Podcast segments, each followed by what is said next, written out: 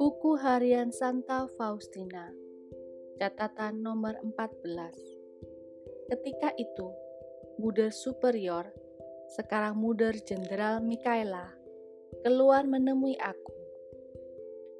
Sesudah percakapan singkat, ia menyuruh aku pergi kepada tuan rumah itu dan bertanya apakah ia akan menerimaku.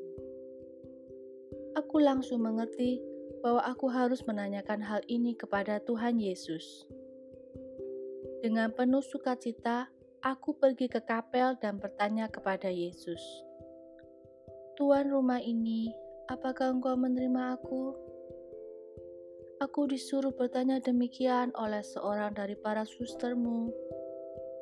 Sekonyong-konyong aku mendengar suara ini. Aku menerima engkau. Engkau ada di dalam hatiku. Ketika aku keluar dari kapel, Buder Superior pertama-tama bertanya, Nah, sudahkah Tuhan menerima engkau? Aku menjawab, Ya, kalau Tuhan sudah menerimamu, maka aku pun akan menerimamu. Catatan nomor 15. Begitulah aku diterima. Tetapi karena banyak alasan, aku masih harus tinggal di dunia selama lebih dari satu tahun bersama perempuan saleh itu. Dan aku tidak kembali ke rumahku sendiri. Pada waktu itu, aku harus bergulat dengan banyak kesulitan. Tetapi Allah begitu murah dengan rahmatnya. Suatu kerinduannya semakin membara akan Allah mulai menguasai hatiku.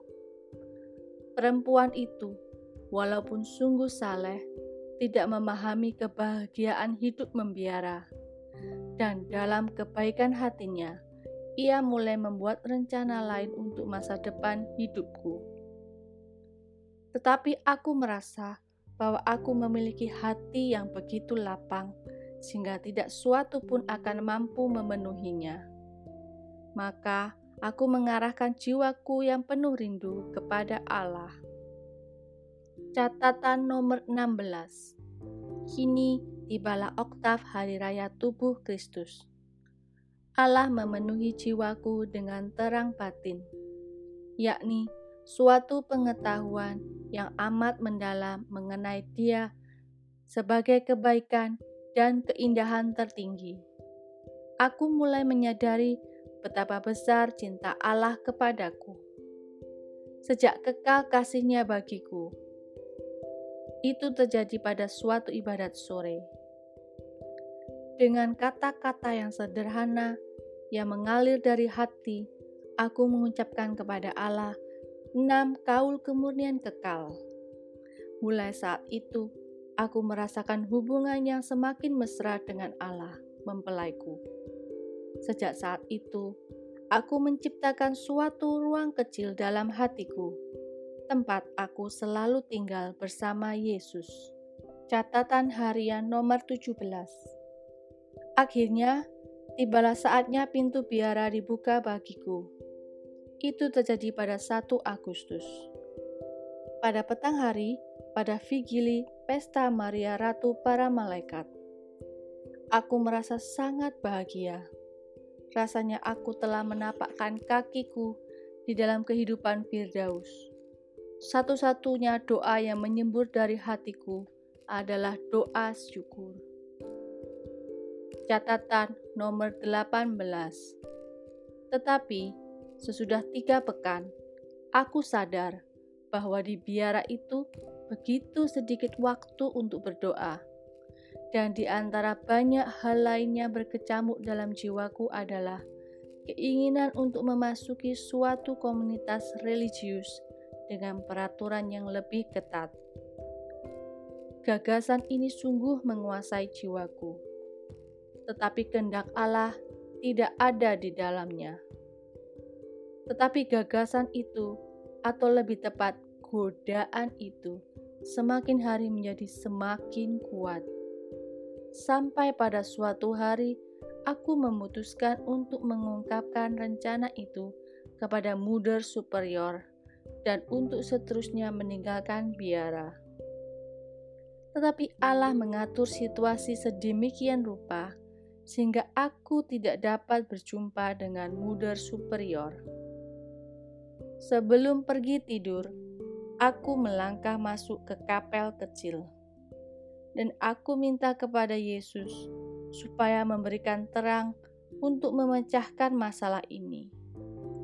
Tetapi aku tidak menerima suatu pun dalam jiwaku, kecuali kegelisahan aneh yang tidak aku pahami. Namun, kendati semuanya itu, aku menata hatiku untuk menghadap muder superior keesokan harinya, tepat sesudah misa, dan memberitahukan keputusanku kepadanya. Catatan harian nomor 19 Aku masuk ke kamarku. Para suster sudah tidur.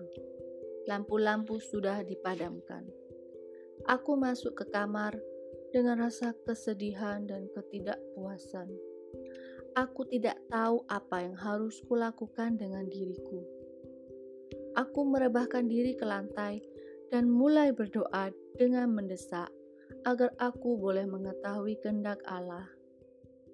Di mana-mana terjadi keheningan seperti di dalam tabernakel.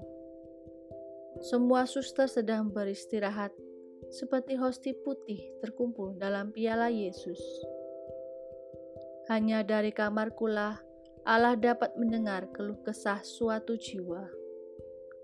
Aku tidak tahu bahwa orang tidak boleh berdoa di kamar sesudah pukul 9 malam tanpa izin.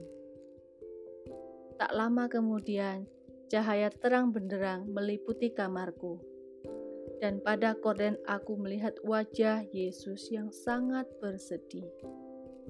Ada luka segar pada wajahnya, dan air mata yang deras tercurah pada selimut penutup tempat tidurku.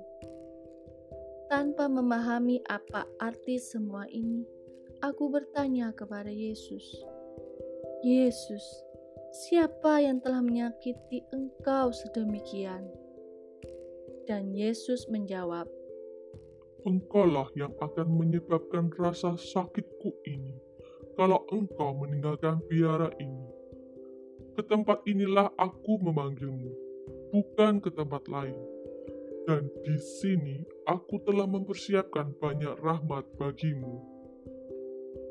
Aku memohon ampun dari Yesus dan seketika itu juga aku mengubah keputusanku. Tujuh hari berikutnya adalah hari pengakuan dosa.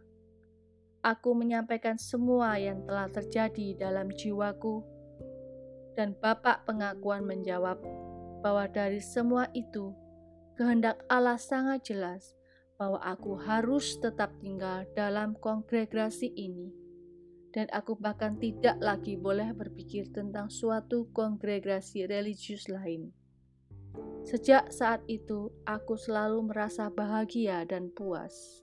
thank you